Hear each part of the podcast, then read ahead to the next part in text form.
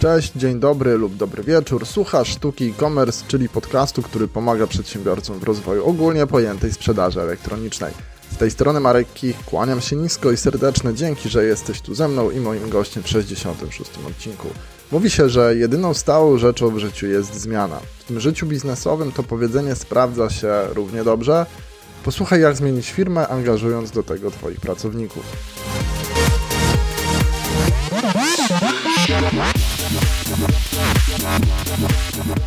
Większość biznesów uczestniczy w procesie ewolucji. Czasami te zmiany w czasie są niewielkie i bardziej kosmetyczne, innym razem firma trzęsie się w posadach.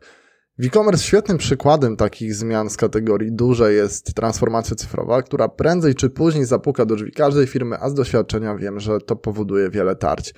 Na ten proces zmian można spojrzeć z różnych perspektyw. W tym odcinku z moim gościem skupimy się na perspektywie ludzkiej, to znaczy na angażowaniu ludzi w zmiany w firmie. Jest to niezwykle ważne, bo jak się okaże, jeżeli Twój zespół nie będzie aktywnie uczestniczył w procesie właściwie od samego początku, no to może zareagować bardzo różnie, niekoniecznie tak, jakbyś sobie tego życzył. Poza tym to właśnie ludzie napędzają firmy, więc jeżeli zrobisz coś, co na nich wpływa bez nich, no to skąd właściwie wiesz, że robisz to dobrze?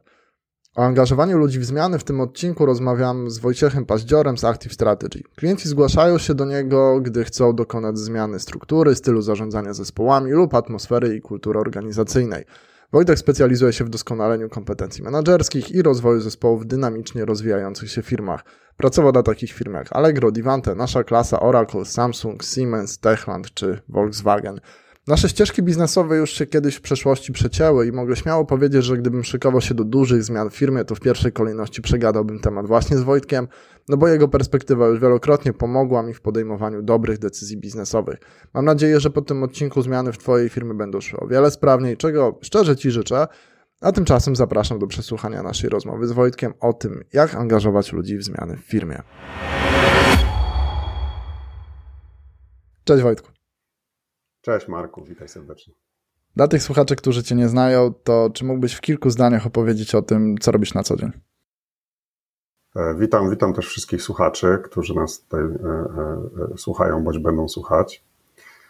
Ja na studiach wymyśliłem sobie, że chcę być trenerem. Później doszedł coaching i doradztwo, ale nie chciałem być takim trenerem, który nic poza szkoleniami nie robił, więc poszedłem do pracy w sprzedaży i tam siedziałem trochę. Natomiast jak stwierdziłem, że już mam wystarczające doświadczenie, to przeszedłem do, do obecnej branży. I może to zabrzmi górnolotnie, ale z Active Strategy pomagamy zwiększać satysfakcję z pracy. I robimy to przez e, głównie rozwój kadry zarządzającej w firmach, od najniższych szczebli do zarządów i właścicieli. E, no i pracujemy właśnie głównie z firmami, też w temacie dzisiejszej rozmowy, z firmami, które przechodzą zmiany i transformację.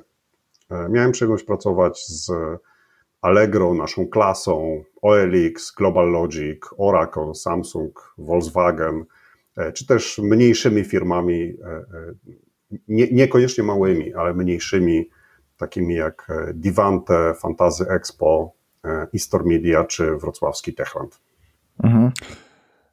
No, też nie będę ukrywał, że zaprosiłem Cię do, do, do, tego odcinka, żebyśmy o zmianie właśnie porozmawiali, szczególnie o takiej charakterystycznej zmianie dla firm, które handlują online, czyli o transformacji cyfrowej, która co do zasady polega na tym, że e, no właściwie firma z takiego handlu e, opartego o salony czy o handlowców e, cyfryzuje się. I mówiąc cyfryzuje, mam na myśli procesy, mam na myśli narzędzia, obieg dokumentów, e, podejście też do klienta. E, no i często te zmiany to są duże problemy. Tym większe, im organizacja ma więcej lat, jest bardziej e, gdzieś tam zabetonowana w tych procesach, które ma obecnie. I często większym problemem niż zmiana technologiczna jest zmiana w ludziach, no bo pojawia się taki opór wewnętrzny, pojawiają się problemy natury często torpedowania w ogóle takiego projektu. I zadam Ci takie chyba najbardziej ogólne pytanie, od którego moglibyśmy zacząć naszą rozmowę, takie bardziej może trochę naukowe. Dlaczego właściwie ludzie mają takie lęki przed zmianami? Wiesz, Marku, e, większość naszych klientów, a myślę, że w ciągu ostatnich lat to w ogóle większość e, firm w Polsce intensywnie przechodzi różne transformacje. I albo same zdecydowały, że chcą się zmieniać, bo na przykład właśnie zobaczyli, że jest jakaś szansa na rynku, bądź rosną i chcieli się przygotować na jakieś nowe wyzwania, no albo one zostały wymuszone. Czyli pandemia, zmiana w, w kanałów dotarcia do klientów i procesów i narzędzi, przejście na pracę zdalną i tak dalej. Albo te zmiany były wymuszone przez klientów konkurencji, albo po prostu przez szybki wzrost firmy i firma musiała się zmienić. Natomiast odpowiadając na Twoje pytanie, to e, z moich obserwacji i doświadczeń e, e, ludzie nie boją się zmian. Ludzie boją się strat i oporują nie przed zmianami, ale przed stratami. Bo zobacz, jeśli zmiana miałaby dotyczyć lepszego komputera, lepszego telefonu, wyższe, podwyższenia wynagrodzenia, to miałby być nowy samochód, łatwiejszy albo bardziej prestiżowy projekt czy klient do obsługi, no to niespecjalnie mamy jakieś lęki czy, czy opory. No może trzeba się nauczyć nowej obsługi nowego telefonu, nowego systemu i, i, nowego samochodu i na początku może jest strach, żeby go nie zarysować. No ale, ale generalnie raczej się specjalnie bronić nie będziemy. Natomiast e, w zmianie boimy się utraty bądź straty czegoś. Na przykład jak zmieniają się procesy, struktura, narzędzia, systemy, czasami systemy wynagrodzeń, czy, czy, czy, czy takie systemy już technologiczne, to boimy się, że stracimy komfort pracy, że stracimy przewidywalność, że stracimy niezależność, że nie będziemy, że, że stracimy pewną płynność posługiwania się czy realizowania swoich zadań. No bo pracowaliśmy w jakimś systemie czy narzędziu, czy w jakiejś tam e, e, konfiguracji zespołu i tak dalej, a nagle coś się zmieni i pojawia się wątpliwość, czy ja sobie na pewno w tym nowym czymś poradzę. E, ale też czasami są takie bardzo nieoczywiste obawy e, utraty pieniędzy, czasu, pozycji, władzy, takiej nieformalnej, czy jakiejś takiej właśnie pozycji autorytetu, bo zmienia się struktura i moje stanowisko już nie będzie tak super eksponowane na przykład. E, no i czasami oczywiście strata pracy, czyli takie, no jak sobie nie poradzę w tym nowym czymś, to, to, to, to może firma uzna, że, że się nie nadaje.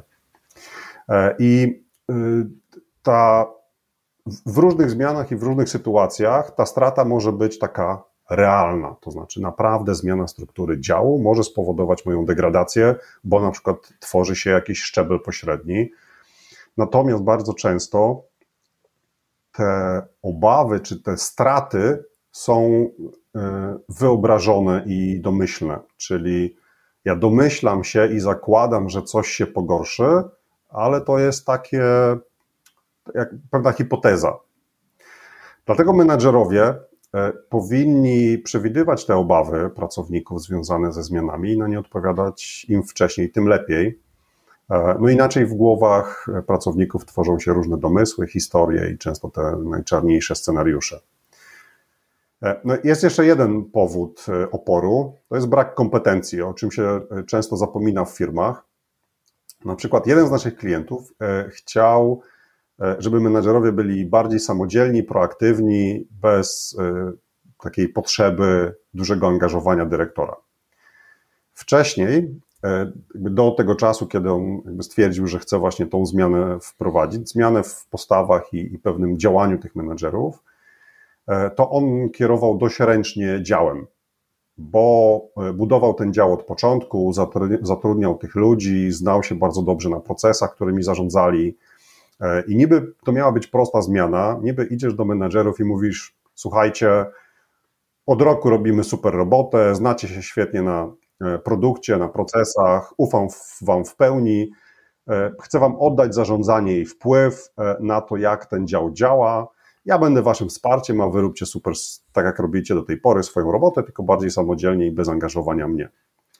No i ci menadżerowie yy, usłyszeli, generalnie nie trzeba było ich super przekonywać, bo przecież nowy zakres tej decyzyjności i, i taki oczekiwany nowy sposób oczekiwania, czy, nowe oczekiwanie sposobu pracy, to tak naprawdę trochę jest takim nieformalnym awansem. To znaczy, no mój dyrektor daje mi większe zaufanie, daje mi większą odpowiedzialność, super, mam większy wpływ, nie będę musiał się pytać o, o, o różne drobnostki i decyzje. Natomiast okazało się, że większość z tych menedżerów po prostu nie potrafiła działać e, w, według tego nowego oczekiwania i dalej przychodzili do dyrektora z wieloma sprawami i decyzjami. Więc oni tak naprawdę potrzebowali zdobyć nowe kompetencje i mimo chęci, to ten opór nie był taki jawny, ale był y, taki, czy on się objawiał tym, że oni mówili deklaratywnie, że chcą i że im się podoba i że super, a w praktyce to się nie działo. Ta zmiana w zachowaniu i, i sposobie zarządzania po prostu nie zaszła. E, I oni tak naprawdę potrzebowali się nauczyć proaktywności, delegowania, podejmowania decyzji, rozwiązywania problemów, ale też na przykład jak rozwiązywać konflikty między sobą bez eskalacji tych konfliktów czy problemów do dyrektora. Słuchaj, to może po prostu lepiej tego w ogóle nie ruszać. To znaczy, no, transformacja zapuka prędzej czy później. Ten, tą sprzedaż elektroniczną trzeba będzie wdrożyć. No ale może zamiast robić to z taką ładną i szeroką zmianą, no może po prostu gdzieś tam zrobić sobie to gdzieś tam na boczku, tych handlowców w ogóle nie wdrażać w ten proces. Co sądzisz o takim podejściu? Czy, czy to jest w ogóle konieczne, żeby zawsze tak do tej zmiany podchodzić tak bardzo kompleksowo? Ja uważam, że w ogóle zmiana nie jest dla nikogo, ani dla człowieka, ani dla żadnej firmy obowiązkowa. Znaczy my naprawdę możemy się nie zmieniać. Zmienienie czegokolwiek e, musi wynikać albo z celów czy ambicji firmy, albo z otoczenia, czyli właśnie konkurencji czy wymagań klientów. E, natomiast oczywiście tak samo jak zmiany i wprowadzanie zmian, tak e, i brak wprowadzania zmian no, niosą za sobą koszty i konsekwencje. E, więc oczywiście możemy stwierdzić, że nie chcemy wprowadzać zmiany, ale też za to jakoś zapłacimy, długofalowo możliwe. Natomiast w przypadku wprowadzania zmian, na które pracownicy nie mają wpływu, kluczowa jest komunikacja wyjaśnianie powodów zmiany, e, kontekstu biznesowego, co ta zmiana ma przynieść, ale też e, to, co znowu no, wiele firm czy menadżerów unika albo robi tak trochę tylko. To jest w ogóle nazywanie tych strat, nazywanie pewnych utrudnień związanych e, ze zmianą i pokazywania jednak tej ciemnej strony mocy, tej ciemnej strony zmiany, bo przecież nie wszystkie zmiany są korzystne dla pracowników. To, to też trzeba sobie jasno powiedzieć. E, natomiast czy, czy we wszystkie zmiany angażować? No, e, niekoniecznie. To znaczy, po pierwsze, to, to zależy oczywiście od sytuacji i rodzaju zmiany. Po drugie, nadal w wielu firmach nie docenia się angażowania pracowników w zmiany. Wiele zmian jest narzucona przez centralę, przez zarząd, przez otoczenie i jako firma tak naprawdę, czy jako pewien dział, departament, nie mamy wyjścia. Musimy ją wprowadzić, koniec.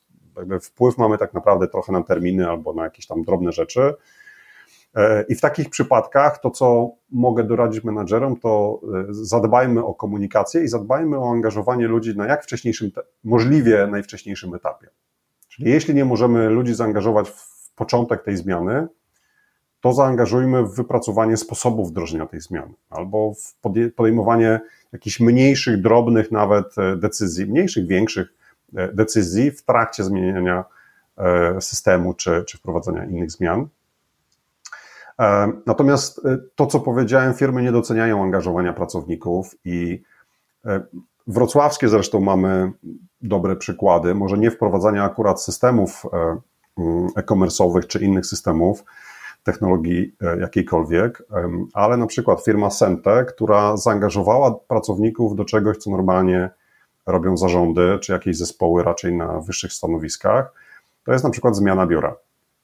E, firma IT z Wrocławia e, stwierdziła, że przenosi się do nowego biura i zaprosiła ochotników do stworzenia takiego zespołu roboczego, który zdecyduje, do jakiego biura się przeniosą. I ten zespół miał. I to byli ludzie z bardzo różnych stanowisk, nie tylko menedżerskich, a nawet wręcz chyba tam mniej było menedżerów niż nie menedżerów.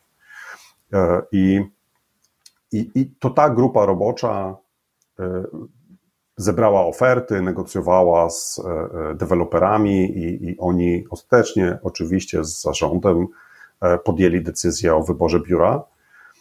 No ale też wasz przykład, to myślę, że ty też Marku możesz opowiedzieć, czy, czy mógłbyś opowiedzieć o waszym przykładzie, gdzie tak naprawdę wy jak stwierdziliście, że chcecie w firmie wprowadzić zmiany, może nie systemu, ale pewnego sposobu działania, E, zauważyliście pewne problemy w funkcjonowaniu firmy, no to mogliście siąść z zarządem, e, e, tam kminić przez kilka dni w swojej jaskini zarządu, wyjść później do pracowników, jak ten rycerz na białym koniu, powiedzieć, że macie super plan i, i na koniec zapytać, pomożecie? No i mieć nadzieję, że się ludzie zaangażują. No wy zaprosiliście znowu ochotników na spotkania i warsztaty, gdzie mogli się wypowiedzieć, mogli wskazać problemy, mogli otwarcie, bo nie było was też na tych warsztatach, więc mogli powiedzieć otwarcie, co tak naprawdę w firmie nie działa e, i później zaproponować rozwiązania. I to jest e, sposób, który powoduje, że ludzie się angażują w zmiany. Dlatego, że oczywiście część z tych problemów i część z tych rozwiązań to były takie trochę e, chciejki, czy takie, takie e, życzenia trochę ludzi, co fajnie by było, żeby firma zrobiła, czy o co fajnie by było, żeby firma zadbała. Ale tak naprawdę większość tych problemów i rozwiązań, które były zaproponowane, to były rzeczy, które dotyczyły sposobu pracy, spotkań, procesów, narzędzi. Niektóre dotyczyły klientów czy pewnych aspektów obsługi klienta i pracy w projektach, atmosfery w firmie i bardzo wielu rzeczy, które były i takie twarde i miękkie rzeczy, które właśnie dotyczyły procesów, narzędzi, technologii, czy e, pewnej atmosfery i kilku innych takich miększych, bardziej ludzkich, społecznych rzeczy. E, no i to, to, to dało szansę na to, że jak wy później sobie to podsumujecie, tak, taki, takie zaangażowanie i takie wnioski i wrócicie do nich z planem na zmiany, to oni powiedzą, nie, no super, to, to w sumie to jest praktycznie to, co my żeśmy powiedzieli, z jakimś dopasowaniem, czy jakimś e, dostosowaniem, poukładaniem może w pewien harmonogram, w kolejność, ważność, priorytet i tak dalej. Spróbuję to podsumować, czyli gdyby firma stała u progu wdrożenia takiej nowej technologii, która zahacza o, o większość firmy, to takim pierwszym krokiem dobrym byłoby zidentyfikowanie tych prawdziwych powodów, dla których ludzie mogą to torpedować i zaadresowanie tych problemów. E, I, I, też jakby wytłumaczenie, że, że to może nie do końca tak jest, albo potwierdzenie, że tak jest, czyli pokazanie tego, tego potencjalnie czarnego scenariusza. A drugi krok to jest takie mocne zaangażowanie ich w tą zmianę w taki sposób, żeby oni też mieli na to wszystko wpływ i po prostu płynęli razem na tej łodzi z nami, tak? Wiesz co, Marku, to jest bardzo dobre podsumowanie. Ja bym do, te, do tego do, dodał nawet jeszcze jedną rzecz, albo może to jest też jakieś podsumowanie tego wszystkiego, bo przy wprowadzaniu zmian e, tak naprawdę to, to, co jest ciekawe, to mm, w firmach są odpowiednie kompetencje. Większość firm ma kompetencje w zupełności wystarczające do skutecznego przeprowadzania nawet poważnych zmian. E, I tą kompetencją, czy pewnym zestawem kompetencji jest zarządzanie projektami. W większości firmach, szczególnie e, w firmach, z którymi my pracujemy, wasza firma, e, wasza branża też, to są firmy, które pracują projektowo. I zmianą, konkretną zmianą, wprowadzeniem właśnie jakiegoś systemu, narzędzia, procesu, struktury i tak dalej, tak naprawdę firmy powinny zarządzać, jak, zarząd, jak, jak zarządza się projektem. Czyli trzeba ustalić cele, trzeba E, zadać sobie podstawowe pytanie, po co my w ogóle chcemy to zmienić? Do czego my chcemy doprowadzić? Co my chcemy osiągnąć? Dlaczego my chcemy zmieniać? Czyli czy, czy na pewno to jest potrzebna zmiana? E, na co my chcemy zmienić? Czyli czy osiągnięcie tego celu to jest, e, czy do osiągnięcia tego celu my potrzebujemy akurat wdrożenia systemu takiego czy innego? Określenie niecelów. W projektach też się określa coś takiego jak niecele. Określenie interesariuszy, określenie e, jednoznacznie sponsora projektu i lidera projektu, który będzie tą zmianę prowadził, e, komunikowaniem wizji zmiany. To, co jest ważne, to na przykład budowanie poczucia pilności wprowadzenia tej zmiany, czyli takiej komunikacji i budowanie takiego, e, takiej narracji. Oczywiście to musi być szczere, ale budowanie takiej narracji, która wyjaśnia ludziom i tłumaczy, dlaczego to jest ten moment, kiedy my musimy się za tą zmianę zabrać, a nie za rok albo za pół roku, e, bo, bo to jest tłumaczenie pewnego kontekstu organizacyjnego i biznesowego. E, no bo jak ludzie wiedzą, że no nie ma wyjścia, to jest trochę jak z, ze zdrowiem. Jak wszystko jest w miarę ok, no to tam czy, czy palimy papierosy, czy nie, czy pijemy alkohol, czy nie, jak się odżywiamy i czy uprawiamy jakiekolwiek sporty, no takie dobrze by było. Nie? Wszyscy wiedzą, że dobrze by było. No ale jak mamy poważne problemy zdrowotne, siada nam serce, skacze nam ciśnienie, zepsuliśmy sobie kręgosłup, nie wiem, cokolwiek się takiego poważnego dzieje, to, to e, rzadko który człowiek mówi, nie, to ja jeszcze trochę poczekam. To tam motywacja jest momentalna i opór przed zmianą jest prawie zerowy. Nie? Tam raczej jest zadawanie sobie pytań, jak to zrobić skutecznie, jak to zrobić najmniej boleśnie, najmniej może wysiłku w to włożyć, ale generalnie głównym pytaniem jest, co ja mam zrobić, żeby doprowadzić się, e, odzyskać zdrowie. To jest główne pytanie. I tak samo w zmianie e, w biznesie e, musimy szukać trochę różnych sposobów na to, żeby pokazywać ten kontekst biznesowy, bo to, co jest ważne, to jeśli to są duże zmiany, które są wprowadzane właśnie przez zarząd, przez jakiś zespół menedżerski, a na przykład wprowadzanie systemów, o których mówisz, E, e-commerce'owych, to, to, to nie jest e, decyzja podjęta w zespole handlowców, tylko to jest decyzja podjęta na samej albo prawie na samej górze. To e, pamiętaj, że ci menadżerowie czy ten zespół projektowy, zanim w ogóle podjął tą decyzję, to miał x spotkań, dyskusji, analiz, czytali, słuchali, chodzili na konferencje, rozmawiali z różnymi ludźmi z, ze znajomymi dyrektorami, menadżerami z innych branż albo ze swojej firmy. I oni przeszli bardzo długi najczęściej, albo przynajmniej intensywny proces przekonywania siebie nawzajem do tej zmiany. A później idą po tych dziesiątkach albo setkach godzin, e, czy, czy e, dziesiątkach spotkań różnych do zespołu i w 15 minut wyjaśniają, że teraz wprowadzamy nowy system i że on w ogóle będzie super i może na początku będzie trochę chaosu, ale później to wszyscy na tym skorzystamy. I dla nich pewne rzeczy są tak oczywiste, że nawet o tym nie wspominają, a wszyscy w firmie, albo większość ludzi w firmie kompletnie tego nie rozumie. Nie rozumie tego kontekstu biznesowego, nie rozumie właśnie tego e, poczucia, te, tego, tej potrzeby mm, pilności wprowadzenia tego rozwiązania czy tego systemu. E, w ogóle nie rozumie, do czego to ma doprowadzić, i oczywiście, nie mając tych wielu, wielu informacji, zaczynają się te, pojawiać te czarne scenariusze. Mhm. A jak ocenić w ogóle gotowość organizacji do takiej zmiany? To znaczy, zdarzyło ci się, znowu trochę może zamodeluję scenariusz i, wrócę do tej firmy, która planuje wdrożyć sobie e, sprzedaż elektroniczną i wyobrażam sobie, pewnie miałeś kiedyś taką sytuację, że przyszedł do ciebie prezes i powiedział Wojtek, no słuchaj, no będzie ciężko, więc pomóż nam przez tą zmianę przejść i ty przychodzisz i mówisz, że to jest zły moment kiedy jest ten zły moment i czy czy w ogóle tak jest? Czy, nie, nie wiem, czy nie poszedłem zbyt daleko w założeniach. W moim doświadczeniu, znaczy ja nie, nie pamiętam takiej sytuacji, żebym odradził naszemu klientowi zmianę.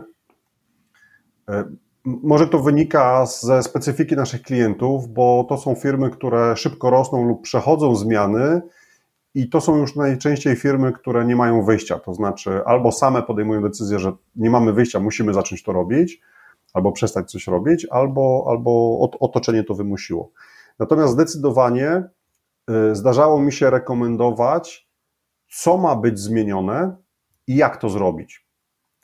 Y, bo jeśli firma, ktoś w firmie, to jest menadżer, jakiś dział HR, czy jakiś pracownik, porusza jakiś temat i w, w ogóle już na, na spotkaniu, czy gdzieś tam pojawia się temat pewnej zmiany, pewnego rozwiązania, usprawnienia, to bardzo często to jest bardzo dobry moment, żeby się tym zająć. Natomiast pytanie, e, pytanie, co to ma być, co, co trzeba by zmienić i jak to zrobić. Podam jeden przykład. E, jakiś czas temu, ze 2-3 lata temu, E, zadzwonił do nas e, klient, potencjalny klient, firma IT we Wrocławiu, międzynarodowa firma z dużym oddziałem w Polsce i zadzwoniła pani i mówi: Dzień dobry, panie Paździor. Tutaj dostałam polecenie od, na pana firmę, od innego konsultanta, który robił z, nami takie inne rzeczy i, i, zauważył pewne problemy, i my o nich wiemy, bo, bo nam ludzie też zgłaszają. No i podobno pan potrafi to rozwiązać, więc my byśmy chcieli zrobić dwie akademie lidera dla tych, e, dla tych e, liderów i menadżerów w naszej firmie, bo to rozwiąże te problemy, które zauważyliśmy. I jak ja poszedłem tam na spotkanie, to po godzinie czy półtorej e, zobaczyłem, że Akademia Lidera w ogóle nie rozwiąże im tych problemów problemy były i one wymagały pewnych zmian, ale nie tym narzędziem czy tym rozwiązaniem. I tak naprawdę my zrobiliśmy tam inne rzeczy, które spowodowały, że odkryliśmy prawdziwe problemy i odkryliśmy lepsze sposoby y, rozwiązania tych problemów. Możliwe, że Akademia rozwiązałaby, Akademia Lidera, czyli pewien cykl rozwoju tych liderów, menedżerów, rozwiązałaby pewne problemy, E, niektóre to może tak by trochę tylko przysypała, niektóre rzeczywiście rozwiązała. Natomiast to byłoby takie y, trochę strzelanie na, na oślep. Takie może się uda. A wtedy rzeczywiście żeśmy dobrali takie rozwiązania, które dodatkowo jeszcze spowodowały, że zapłacili nam kilkukrotnie mniej. Większość byli w stanie zrobić e, sami i w kilka miesięcy rozwiązali większość problemów, które mieli. E, I rzeczywiście menadżerowie, czasami też działy HR, w zależności właśnie od rodzaju tych zmian, w pośpiechu albo z braku doświadczenia, ma pomysły na pewne rozwiązania problemów czy, czy osiągnięcia pewnych sukcesów, rezultatów, ale tak naprawdę reagują na pewne objawy i pomysły takie, y, pomysły innych albo podglądnęli gdzieś, że ktoś coś zrobił i to zadziałało. Natomiast y, takie y, przykładowe z, nasze, z naszego podwórka, może mniej e-commerce, a ale to pokazuje, myślę, pewien schemat myślenia. To takie zróbmy integrację zespołu, bo jest zła atmosfera, albo zróbmy szkolenie z feedbacku, bo ludzie nie rozmawiają o trudnych sprawach, albo zróbmy szkolenie z proaktywności, bo liderzy nie podejmują inicjatywy. A bardzo często tak naprawdę ta przyczyna problemów leży gdzie indziej i rozwiązaniem, realnym rozwiązaniem e, problemu jest co innego. I myślę sobie, że e, wdrożenie jakiegokolwiek systemu IT czy rozwiązania e, technologicznego musi wiązać się z, czy musi wynikać tak naprawdę z analizy problemów, analizy przyczyn tych problemów i rzeczywiście zadanie sobie pytania, co my tak naprawdę chcemy zmienić czy, i czy to jest najlepszy sposób, żeby osiągnąć zmianę i, i ten rezultat, który, którego oczekujemy. Wyobraź sobie sytuację, że rzeczywiście stoi firma o progu zmiany, E, tą zmianą jest wdrożenie systemu i może nie powiem w jakimś tam sensie beneficjentem, ale na pewno osobą, na którą wpłynie ta zmiana są handlowcy. I teraz wyobraź sobie, że w, w tym dziale handlowym panuje taka naprawdę wisielcza atmosfera. Nie, nieważne z jakich powodów. Nie? To może być słaby menadżer, e, to może być, nie wiem, mało zrozumiany E, system prowizyjny, to mogą być problemy z klientami, to mogą być problemy ze sprzedażą, wiele różnych rzeczy. Natomiast no, w firmach handlowych handlowcy to jest jednak istotny trzon budowania wielkości tej firmy. I teraz przychodzi do zmiany narzędzia i ja tutaj widzę bardzo duże ryzyko, że ogłaszając w takim rozchwianym emocjonalnie dziale handlowym, że jeszcze dojdzie im system e-commerce, to mam takie wrażenie, że jakbyś tego nie zrobił, jakbyś tego dyplomatycznie nie zakomunikował, no to ryzykujesz tym, że cały dział z dnia na dzień właściwie się zwinie. I teraz, czy, czy tobie w ogóle zdarzało się właśnie w taki sposób podchodzić do tego, czyli mówić, że słuchajcie, system to super pomysł, czeka was to prędzej czy później, ale to nie jest ten moment, bo najpierw musicie sobie posprzątać. E, raczej nie mówiłem, że to nie jest ten moment na zmianę, ale że to jest właśnie, e, że potrzebujecie innego sposobu. Czyli, że musicie zrobić kilka, że możliwe, że tak naprawdę wy już teraz musicie zaplanować, że ten system wdrożycie, tylko zaplanujcie sobie, że ten, to wdrożenie będzie za rok, oczywiście przykładowo, ale wy przez ten rok musicie zrobić ileś kroków, żeby w ogóle być gotowym do tego, żeby wdrożyć ten system, tak już na, na, na 100%. Możliwe, że trzeba posprzątać, możliwe, że trzeba e, e, w międzyczasie właśnie uzupełnić pewne kompetencje, możliwe, że trzeba w ogóle usprawnić procesy, To jest taki też niedo, niedoceniony obszar, bo bardzo często, żeby wdrożyć dobry system e, informatyczny, to najpierw trzeba mieć poukładane procesy. Bo generalnie system ma odwzorować pewne procesy, kolejność pewnych działań, tylko je automatyzować bądź e, gdzieś tam zbierać w całość, bądź jakby, no, być pewnym rozwiązaniem technologicznym. Nie? Czyli to nie ja robię coś tam ręcznie, tylko robi to system, albo część tego robi e, system. I, no i bardzo, jak, my pracujemy na przykład z firmami, które rosną bardzo szybko, często to są firmy IT, które bardzo szybko rosną, 50 osób, 100 osób, 150, 300 osób, E, co roku, to, to, to tam się e, e, bardzo często właśnie pojawia taka sytuacja, gdzie chcą już wprowadzać duże rozwiązanie, czasami technologiczne, czasami jakieś inne, natomiast okazuje się, że oni dalej, jeśli chodzi o procesy, to są na etapie 50 albo 30 osobowej firmy. I tak każdy tam mniej więcej wie, co ma robić, każdy tam dobry jest w tym, co, za co odpowiada, no i tam na Excelach sobie dajemy radę. Nie? I, e, i, I w działach handlowych pewnie jest podobnie. No jak nie mamy dobrych procesów e, sprzedaży, obsługi klienta, badania potrzeb i kilku pewnie innych rzeczy, to tylko jest to właśnie trochę wiedza ukryta w głowach, to, to ciężko wdrożyć system, dlatego że wtedy wszystko to e, musimy wypracować naraz. I czasami jest tak, że trzeba to zrobić po kolei i, i krokami, Natomiast no, niestety jest tak, że zawsze jest ryzyko odejścia pracowników i e, nawet jak się zdecydujemy e, właśnie na, no wracając do tego przykładu, że wszystkim w firmie kupimy najlepsze, najbardziej wypasione telefony, to część będzie marudzić, część powie, że się nie chce uczyć, nie chce konfigurować, w ogóle nie chce zmiany. Nie? Nawet jeżeli to jest zmiana na, długofalowo. Chwilowo to może być jakiś chaos, ale długofalowo to będzie na plus. Więc e, zawsze jest ryzyko, że, że ktoś odejdzie. Ja bym nawet powiedział więcej. E, w, Im większa zmiana, tym, tym większe prawdopodobieństwo albo większa pewność, że ktoś odejdzie. I to jest normalne i naturalne. E, znowu, jeśli mogę, to podam, podam dwa przykłady. Śmiało. Jeden to jest właśnie przykład rosnących firm, ale takich firm właścicielskich, czyli jest startup czy jakaś mała firma 10, 20, 30 osób, która wpada na falę, wskakuje na falę i no i zaczynają rosnąć. I co roku zatrudniają kolejne 20, 30, 100 osób i, i bardzo szybko rosną. I to, co my słyszymy w takich firmach, to, to taka obawa czy narzekanie bardziej pracowników. No, było tak fajnie, byliśmy taką fajną, przyjacielską, rodzinną albo firmą albo startupową firmą, a teraz stajemy się korpo. I to korpo to jest taki straszak, takie, takie strasznie negatywne określenie, to stajemy się korpo. Dlatego, że e, no, zaczynają się pojawiać procesy, procedury, e, jakieś tam jednak zasady, struktura się musi pojawić.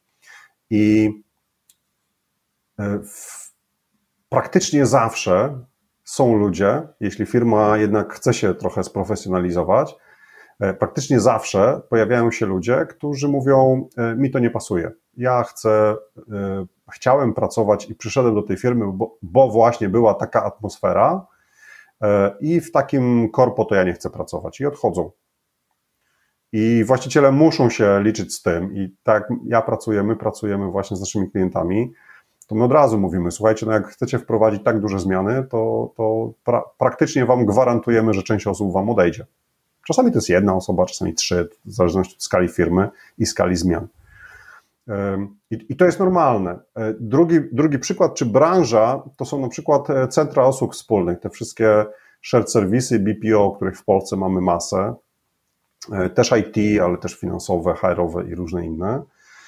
To, to tam jest na przykład taka specyfika, to też jest ciekawostka, że początki, takie pierwsze dwa, trzy lata otwierania się takiego centrum, na przykład w Polsce, to jest jak startup trochę. Tam jest wszystko nowe, e, przenoszenie procesów, uczenie się, delegacje, dużo chaosu, dużo pracy i wysiłku trzeba włożyć, dużo zmian, ale też dużo rozwoju, e, dużo poznawania nowego know-how, dużo interakcji i współpracy z różnymi ludźmi, często za granicą. Oczywiście to jest wszystko w fajnych warunkach, no bo korporacja ma też pieniądze na to wszystko. Natomiast po takich dwóch, trzech latach, kiedy firma już wdrożyła te systemy, przeniosła te procesy, wyszkoliła ludzi, to, to często pojawia się e, taki trochę jednak marazm i stagnacja. To znaczy, tak naprawdę w pewnym momencie, nie we wszystkich, ale w części tych procesów e, czy projektach, e, trzeba po prostu te projekty utrzymywać, trzeba te procesy realizować. I nie ma już tej energii, nie ma tej ekscytacji, nie ma tej dynamiki. Oczywiście do momentu, kiedy nie wdrażamy nowych projektów, czy nowych, nie, nie przejmujemy nowych procesów. I znowu w tym momencie, takie, znowu to jest umowne 2-3 lata, e, często właśnie w tych centrach pojawia się e, większa rotacja pracowników, więcej odejść, bo ci, którzy przyszli do, do tej firmy i właśnie ich pasjonowało i ekscytowało i trzymało w tej firmie to, że właśnie była ta dynamika i to wszystko, o czym powiedziałem, nagle siedzą, mówią, nic się nie dzieje, nie rozwijam się, nie uczę się, nie ma wyzwań, to ja idę gdzie indziej. I nawet to nie jest negatywne coś, no bo fajnie mieć w końcu poukładaną firmę i poukładane procesy i je po prostu realizować efektywnie. E, a, a są ludzie, którzy mówią: Nie, ja potrzebuję znowu wyzwania, znowu dynamiki rozwoju i, i, i idę gdzie indziej. I znowu firma musi być tego świadoma i menadżerowie muszą być tego świadomi, żeby z ludźmi móc o tym rozmawiać i móc ludzi pod tym kątem też obserwować. I, i wracając też do, do tego działu handlowego, to tam też mogą być ludzie, którzy mówią, którzy powiedzą, nie, ja chcę pracować z ludźmi, ja chcę pracować z klientami, chcę do nich jeździć, chcę z nimi e, do nich dzwonić, a nie wklepywać różne rzeczy w różne systemy i liczyć na to, że ja tam będę na końcu tego, tego procesu, który tam sobie rozplanujemy, nie? czy rozpiszemy. E, I to jest jak najbardziej naturalne, i to jest też element planowania projektu. No, trzeba zastanowić się, jakie są ryzyka i czy na pewno, znowu to jest te kompetencje, o których powiedziałem czy, czy pewien charakter, kompetencje e, ludzi, których mamy w dziale, e, pasuje do nowego procesu i systemu, który chcemy wdrożyć. Jeszcze jeden przykład. Ja znowu pracowałem w sprzedaży i mogę podać dwa przykłady sprzedaży, żeby też podać, mm, jakby może rozjaśnić jeszcze tą specyfikę sprzedaży, która, z której wynika też pewien rodzaj handlowca, którego my chcemy zatrudnić albo potrzebujemy zatrudnić. E, w mojej branży sprzedaż e, usług konsultingowych, doradczych i szkoleniowych to jest długi proces i to jest taka sprzedaż właśnie doradcza. To znaczy, ja muszę z klientem e, porozmawiać, posłuchać problemów, zadać wiele pytań, poznać jego specyfikę, zadać często pytania, których on sobie sam nie zadaje. Muszę mieć pewną wiedzę, muszę też zbudować pewien autorytet, muszę pokazać, że ja wiem o czym mówię, muszę pokazać, że rozumiem klienta, że znam jego specyfikę czy branżę i proces, i później oczywiście muszę stworzyć pewne rozwiązanie. I, i ten proces potrafi trwać tygodnie, czasami miesiące. Natomiast y, sprzedaż na przykład w salonie aut luksusowych wygląda zupełnie inaczej. Czy w ogóle nawet aut, może nie luksusowych, ale aut, takiej średniej półki. Tam sprzedaż wygląda tak, że klient, potencjalny e, klient, pochodził trochę w, internecie po różnych stronach, poczytał, popytał znajomych, po, poszukał trochę na różnych forach opinii, e, komentarzy i recenzji, wybrał dwa czy trzy e, salony dwóch czy trzech marek, pojechał i jakieś modele, pojechał, zobaczył, wsiadł, przejechał się i to był pierwszy kontakt z handlowcem. Czyli handlowiec miał kilkanaście, może kilkadziesiąt minut na to, żeby tego klienta przekonać do siebie, do marki i do modelu. No i później e, ten, ten klient rzadko się decyduje od razu, najczęściej wychodzi, no bo on jeszcze ma tam umówionego jakiegoś, e, e, umówiony jest w innym salonie, później wybiera jakąś dwójkę finałową albo już jest prawie przekonany, ale tam jeszcze musi pójść ponegocjować. I to jest drugi kontakt z handlowcem. I ten handlowiec ma dwa, może trzy spotkania, y, y, plus dwa, trzy, kilka telefonów, żeby przekonać klienta do siebie, do marki i wynegocjować warunki. U mnie taka forma sprzedaży nie występuje, albo praktycznie nie występuje. związku z tym handlowiec w salonie samochodowym potrzebuje trochę innych kompetencji i potrafi, nie potrafi, tylko musi umieć komfortowo prowadzić klienta przez właśnie taką specyfikę i taki proces sprzedażowy, jednak ograniczony, ograniczony też kontakt E, a u mnie to wygląda zupełnie inaczej. Nie? Ja, ja, ja, muszę mieć inne kompetencje, inne nastawienie i pewnie gdybym ja poszedł sprzedawać do, do samochody, e, czy, czy właśnie w salonie samochodowym sprzedawać e, usługi i, i, i, samochody, to, to pewnie długo by mi zajęło, jeśli w ogóle nauczenie się tego i w ogóle pytanie, czy ja bym się tam dobrze czuł. Nie? Bo, bo ja, ja, wolę jednak budować tą relację i, i, rozmawiać z klientem i rozumieć jego potrzeby i tak dalej. I, I często na to potrzebuje dużo czasu, bo to często jest też rozmowa nie z jedną osobą e, z firmy od naszego klienta, tylko z kilkoma, e, a nie ograniczać się do tego, że ja na pierwszym, jak na pierwszym spotkaniu nie przekonam klienta, to może do drugiego spotkania nie dojść. Zastanawia mnie, czy lepiej mówić, że wdrażamy ten system, bo bez niego firma padnie w pół roku, co sugeruje w jakimś tam stopniu, że ta firma ma prawdopodobnie albo potencjalnie może mieć jakieś problemy. No bo mi to od razu uruchamia w głowie, kurde, jak nam się nie uda. No to właśnie ja jestem na tonącym statku, to ma datę ważności, jak się nie wyrobimy, no to ja będę miał problem. Czy lepiej szukać tych pozytywnych powodów, takich, które no, budują takie, wiesz, pozytywne emocje? Ja jestem fanem stosowania miksu. E, ja uważam, że wszelkie skrajności są dość niebezpieczne. To znaczy skupienie się tylko na pozytywach może spowodować, że część ludzi powie, nie no fajnie, fajnie, ale my wiemy jak jest naprawdę, czyli przekoloryzujemy, a ludzie nie są głupi. Jak powiemy tylko o negatywach, to znowu e, no, do, dolejemy tylko tej oliwy do ognia tym, którzy właśnie są tymi bardziej mm, pesymistycznymi pracownikami, czy bardziej krytycznie nastawionymi. E, więc ja jestem za tym, żeby robić, e, wykorzystywać i te pozytywy, i te negatywy, ale żeby nie unikać jednych i drugich. Bo znowu unikanie którejś z nich może być odebrane jako albo straszenie, albo manipulowanie, albo ukrywanie ważnych informacji, więc, więc jak powiemy i o tym, i o tym, oczywiście trzeba wyważyć. To też zależy, jakich mamy ludzi w firmie, jakich, w jakiej branży jesteśmy, w jakiej realnie sytuacji jesteśmy. Bo jeśli to jest takie zagrożenie, no słuchajcie, branża się zmienia i tam za dwa lata to wypadniemy z rynku albo stracimy udział w rynku, jak, jak nie wejdziemy w nowy kanał czy z nowym produktem, e, no to to jest tak odległe dla ludzi i to jest tak e, często nierealne czy takie abstrakcyjne, że to, to w ogóle ludzi nie zmotywuje. Ale jeśli powiemy, bo takie, takie są realia, słuchajcie, mamy dwa miesiące, żeby e, przykład pandemii, Mamy dwa tygodnie albo dwa miesiące, żeby uruchomić nowy kanał sprzedaży. To, co wiele restauracji przeszło w pierwszych tygodniach tak naprawdę e, pandemii i lockdownu w Polsce i nie tylko, to e, przejścia na nowy kanał bądź nowy sposób świadczenia usług, czyli na wynos do, z dowozem i tak dalej, e, i firmy nie miały wyjścia. I w takiej sytuacji pójście do pracowników i komunikacja, słuchajcie, będzie super, zdobędziemy rynek, gramy z konkurencją, no będzie przez y, ludzi po prostu wyśmiana i potraktowana właśnie jako manipulacja, czy oderwanie w ogóle właścicieli od rzeczywistości.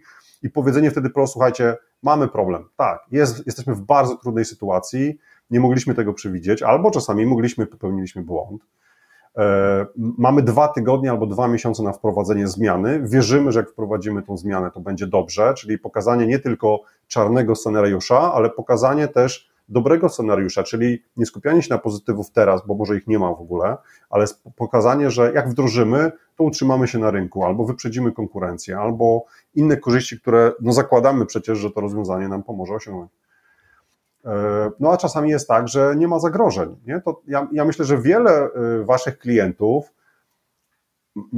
jest w sytuacji, kiedy nie ma takiego bata, bo moim zdaniem to, co my widzimy też w firmach, to dużo łatwiej jest przekonać ludzi, kiedy jest bad, kiedy mamy e, rzeczywiście problemy, problemy w takim sensie właśnie spada sprzedaż, e, e, konkurencja nas wyprzedza i tak dalej, bo wtedy mamy, to jest tak jak z tą, z tą chorobą powiedziałem, czy problemami zdrowotnymi, bo no my jesteśmy trochę jednak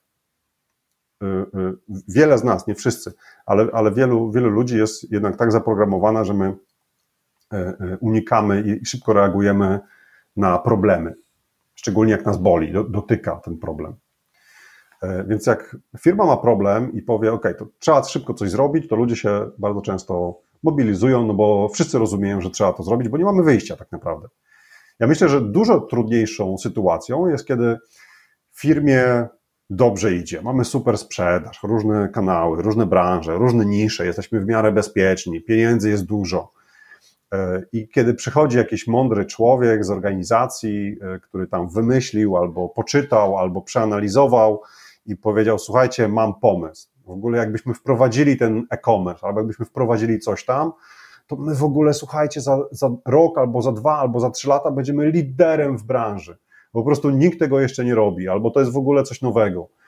E, I wtedy bardzo często jest trudniej przekonać ludzi, bo e, szczególnie jeśli organizacja jest nastawiona na utrzymywanie takiego właśnie status quo, bo e, wtedy trzeba naprawdę włożyć energię, żeby pokazywać korzyści, pokazywać te potencjalne ryzyka, niewdrożenia tego rozwiązania, jakby budowania takiego obrazu, jak to będzie super, kiedy ludziom jest dobrze, nie? kiedy ludzie widzą, że są pieniądze, firma zarabia, są benefity, są integracje, owocowe czwartki, różne tam inne fajne nowe, nowe laptopy i tak dalej i w sumie to nie trzeba. Mhm. Trochę podsumowywaliśmy sobie ten proces już, ten modelowy proces zmiany, natomiast e, no, nie, nie będziemy drugi raz tego podsumowywać, ale czy w tym procesie, o którym mówiliśmy sobie, czyli takim podejściu projektowym, identyfikacji ryzyk, interesariuszy i tak dalej. Czy jest coś w tym procesie, o czym jeszcze nie zdążyliśmy powiedzieć, a jest to niezwykle ważne, żeby, żeby wybrzmiało, żeby ten proces wyglądał tak po Bożemu i, rzeczywiście angażował ludzi zamiast budzić w nich niepokój? To, to e, podsumowując tylko, czy wracając, rzeczywiście e, moja jedna wskazówka to zarządzanie zmianami jak projektami, czyli wykorzystanie tego, co już wasi project managerowie wiedzą i, i rzeczywiście zarządzanie zmianą jak projektem. Druga rzecz, dużą, e, dużą rolę tak naprawdę w zmianach mają działy HR, bardzo często w organizacjach niedocenione, więc e, działy HR, jeśli pracownicy działów HR, jeśli nas słuchacie, to, e, to, to powinniście być bardziej doceniani i menedżerowie, jeśli nas słuchacie, to docencie bardziej swoje działy HR i też wykorzystajcie je do wprowadzania zmian albo przynajmniej do wsparcia e, e, właśnie menadżerów w wprowadzaniu zmian, bo działy HR bardzo często e, rozmawiają z ludźmi i, i znają przekrojowo organizację i często słyszą różne ploteczki i różne głosy docierają właśnie do HR-u dużo, dużo szybciej niż do menadżerów. Więc HR może Wam pomóc w uwzględnieniu różnych grup pracowników w komunikacji, w angażowaniu, w zarządzaniu w ogóle komunikacją i nastrojami dotyczącymi zmiany. to jest jedna rzecz. Druga rzecz, dużo mówi się o zwinności, agile albo lean management, e, a znowu to są e, podejścia, które są znane, ale przez firmy wykorzystywane do zarządzania produktami, projektami tymi biznesowymi, czyli mamy projekty dla naszych klientów, i wykorzystujemy właśnie zwinność, agile, scrum, lean management, różne te podejścia, czy właśnie zarządzanie projektami do wdrażania produktów, technologii, e, czy, czy w procesie produkcji. A wykorzystujmy też to do zmian struktury, kultury organizacyjnej, poprawy atmosfery, czy różnych innych mniejszych i większych e, zmian w, w tym, jak firma funkcjonuje.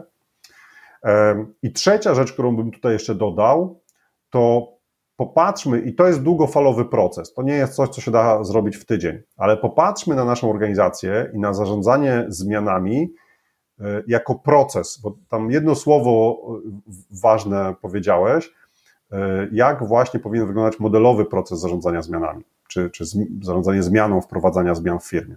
I to, to słowo proces jest kluczowe. Czyli budujmy organizację, kulturę organizacyjną, postawy ludzi, przyzwyczajenia, ale też E, pewne rytuały, tak właśnie w e, zwinności, w zwinnym zarządzaniu czy, czy w lin. Mm, e, budujmy pewne mm, procesy, pewne rytuały, pewne narzędzia do tego, żeby rzeczywiście to był ciągły proces udoskonalania, rozwiązywania problemów, rozwiązywania konfliktów, eksperymentowania, testowania różnych kanałów, systemów, procesów, narzędzi, produktów i tak to oczywiście wymaga właśnie budowania takiej kultury otwartości na błędy, otwartości na też odwagi przyznawania się do błędów, bez polowania na czarownice, które się czasami w organizacjach pojawia, czyli właśnie jak ktoś popełnił błąd, to tam najpierw szukamy, kto zawinił i najlepiej, żeby to było nie z naszego działu, e, a później dopiero rozwiązujemy problem. Mm. No i wprowadzenie pewnych narzędzi, czyli właśnie retrospektyw i różne, różnie się te metody nazywają, właśnie czy w Agile'u, czy w Lean Management, ale tak naprawdę to, to te narzędzia wszystkie są bardzo, bardzo podobne do siebie. Więc e, to, to, to podejście do niezrodzenia jedną konkretną zmianą, tylko właśnie też budowania pewnego środowiska do tych zmian, e, na pewno jest też czymś, czego e, wiele firm nie wykorzystuje jeszcze wystarczająco. A mógłbyś podać takie Twoje ulubione błędy firm, które są popełniane przy przeprowadzaniu zmian? Myślę, że taką zmianą, właśnie błędem, który często widzimy, naprawdę, jest właśnie to, że jest sytuacja, kiedy menedżerowie spędzają masę czasu w tajemnicy na analizie problemu, wypracowywaniu rozwiązań. E, I tam naprawdę w, e, z, z, oni po prostu z dobrymi intencjami chcą pomóc i rozwiązać dany problem, albo mają super pomysł, bo czasami to nie jest problem, tylko jakiś super pomysł nowy. Przychodzą do zespołu z rozwiązaniem i mówią: Słuchajcie, wdrażamy tutaj właśnie jakiś tam system e-commerce'owy, albo nowego CRM-a, albo nowe jakieś narzędzie do factoringu albo czegokolwiek, cokolwiek innego i właśnie wjeżdżają jak ten rycerz na białym koniu i teraz my was albo uratujemy, albo, albo e, obdarujemy, obsypiemy złotem, a pracownicy w ogóle totalnie tego nie rozumieją, dlatego że te pomysły albo są nietrafione, albo o nich kompletnie nie rozumieją. I to jest e, rodzaj błędu, bo Ci menedżerowie z bardzo dobrymi intencjami poświęcają bardzo dużo czasu, czyli generalnie kosztuje to kupę pieniędzy, ich, ten, ich czas pracy, a później się okazuje, że nawet jeśli te zmiany startują, to ich ciężko, e, ciężko je doprowadzić do końca. No i pracownicy albo, albo są zdemotywowani, tam cały czas ich trzeba motywować, przekonywać, i, i później się demotywują i ci pracownicy, i ci menadżerowie, czy ci, ci ludzie, którzy przyszli z tym pomysłem. Więc du dużo straty właśnie czasu, energii, motywacji. E, później z, z, podobną zmianą drugi raz ciężko wystartować, jak się raz spaliło. Wojtku, a czy podzielisz się może Twoim największym błędem we wprowadzaniu zmian? E, największe błędy, jakie ja popełniłem w Active Strategy, to, to błędy przy niewprowadzaniu zmian na przykład użycie wideo w marketingu, zatrudnienie pierwszej osoby do marketingu, zatrudnienie pierwszego sprzedawcy. Dzisiaj, wiedząc to, co wiedziałem, to, co wiem, e, wprowadziłbym e, wszystkie albo większość tych zmian znacznie wcześniej. E, więc pe pewnie bym podszedł teraz, bo to łatwo powiedzieć po fakcie, że zrobiłbym inaczej, ale staram się teraz przynajmniej więcej eksperymentować i sprawdzać zmiany w jakimś minimalnym e, czy, czy mniejszym zakresie. E, bo jedną z rzeczy, którą się nauczyłem, to e, to, że też trzeba mieć odwagę do, do wprowadzania zmian i, i, że ta odwaga jest potrzebna, żeby nie przespać pewnego momentu. I w wielu firmach, to, zresztą to nie jest chyba nic nowego, no, w, w takim środowisku startupowym, i innowacyjnym biznesie to eksperymentowanie i wprowadzanie zmian e, jest, e, jest czymś naturalnym w miarę. Natomiast, jak mówisz, wspomniałeś wcześniej o takich biznesach tradycyjnych albo właśnie takich bardzo stabilnych, czyli firmy, które mają stabilną pozycję na rynku, wśród konkurencji, u klientów i generalnie to oni tam nie muszą za dużo się zmieniać, przynajmniej na razie to, to tam często jest takie, jednak takie podejście zachowawcze. Poczekajmy, zobaczmy, może porozmawiajmy. No i ja też tak właśnie te błędy, które ja popełniłem, to właśnie to było takie, my w Active, pewnym, jak założyłem Active, to my dość szybko weszliśmy na taki poziom, że ja już e, nie miałem jakiegoś motywacji, żeby super więcej zarabiać, nie? To nie są jakieś, my nie jesteśmy miliardową czy set milionową firmą, ale miałem do, dobre pieniądze co miesiąc i, i, było komfortowo. Dopiero jak sobie powiedziałem, OK, to, to, to my musimy się rozwijać, bo długofalowo to był właśnie ten przykład. My długofalowo, krótkofalowo mamy bardzo wygodnie, ale długofalowo musimy się rozwijać, bo no jest ryzyko, że wypadniemy z rynku albo spadniemy z tej fali, która jest w branży. Natomiast drugi błąd, e, który popełniłem e, kilkukrotnie, to takie niewystarczające weryfikowanie e, tych założeń i pewnych rezultatów, które sobie założyliśmy, czy, czy których oczekiwaliśmy od zmiany, czyli zacząłem zmianę, przekonałem ludzi, ludzie to kupili, zaangażowali się, ja odpuściłem i czekałem na koniec. Rozdelegowałem, jakby wszyscy wiedzieli, co mają robić. I bez monitorowania w trakcie, bez sprawdzania, czy ta zmiana nadal ma sens, bez wyciągania wniosków, właśnie bez tego retro, bez tej retrospektywy, czy jak, jakiegokolwiek narzędzia sobie użyjemy, ale bez wyciągania wniosków, uczenia się po tych eksperymentach i sprawdzeniu tej pewnych hipotez w tej zmianie i w tym rozwiązaniu, e, i sprawdzania też motywacji, e, sprawdzania postępów po to, żeby zauważyć na przykład pierwsze sukcesy, pierwsze drobne postępy i, i też cieszyć się z tego i, i, pochwalić ludzi za to, żeby też pokazać, że, że idziemy do przodu, no okazywało się, że te zmiany często się rozwlekały i doprowadzały albo do tego, że ta zmiana już była nieadekwatna, bo fala przeszła i to rozwiązanie było już niepotrzebne, albo w ogóle żeśmy rezygnowali z tego, bo no, trzeba było to zawiesić, bo już nie było sensu z różnych powodów. Bo się to rozlało, bo okazywało się, że wskoczyliśmy w inne projekty i nie było czasu, e, albo się tak dokończyło tak słabej jakości, żeby tylko było, bo już zaczęliśmy to czas skończyć. E, więc to niemonitorowanie i niesprawdzanie, nie wyciąganie wniosków z tej zmiany e, też właśnie albo w ogóle zawieszało, albo strasznie obniżało jakość czy, czy wartość tej zmiany. W ogóle też e, jest taki nawet powiedziałbym ciekawy argument za tym, żeby projekty też wdrażać zwinnie, no bo na rynku IT cały czas toczy się dyskusja, czy lepiej wdraża się projekty zwinnie, czy kontraktowo.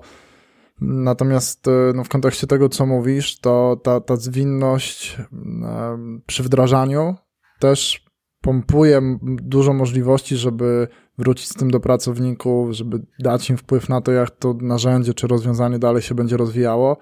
No i to też może sprzyjać w ogóle atmosferze i całemu temu procesowi zmieniania innych rzeczy w firmie, tak? Tak, tak.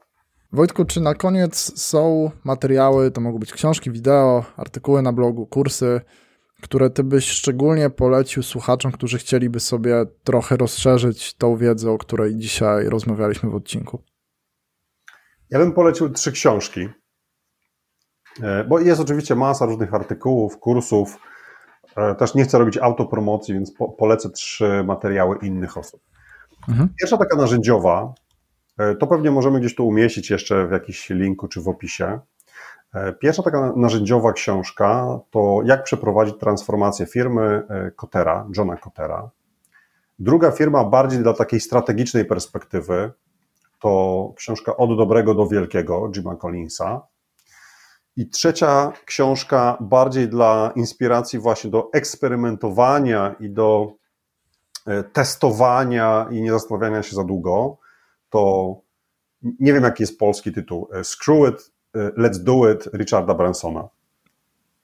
To są trzy pozycje, które polecam każdemu, kto, kto chce przeprowadzać zmiany, albo robić je lepiej, albo w ogóle zacząć, zacząć w firmie budować trochę takie nastawienie na e, usprawnienia, zmiany, eksperymentowanie, innowacyjność.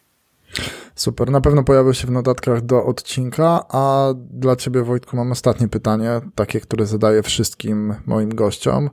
Gdybyś miał zostawić słuchaczy z taką jedną myślą, apelem, hasłem, czyli taką jedną rzeczą, którą chciałbyś, żeby przynajmniej każdy, kto słuchał tego odcinka, zapamiętał i zachował na dłużej, to co by to było? Po pierwsze, angażuj pracowników e, na możliwie najwcześniejszym etapie zmian. Nie zawsze da się na samym początku, ale na możliwie najwcześniejszym etapie. Drugie, e, rozmawiaj transparentnie przede wszystkim o tych trudnych sprawach, o ciemnej stronie zmiany i obawach ludzi. Czasami tych obawach realnych czy uzasadnionych, a czasami obawach, które są po prostu urojone i wy, są wyobrażone. I trzecie, E, zarządzać zmianą, zmianą jak projektem. Wojtku, dzięki za Twoją wiedzę, dzięki za naszą rozmowę. Trzymaj się i do usłyszenia następnym razem. Dziękuję za rozmowę, dziękuję Marku za zaproszenie, słuchaczom dziękuję za e, wytrwanie do końca. E, życzę e, udanych zmian, udanych transformacji i do zobaczenia pewnie gdzieś albo w sieci, albo na żywo na konferencji, szkoleniu, webinarze czy jakimś innym wydarzeniu.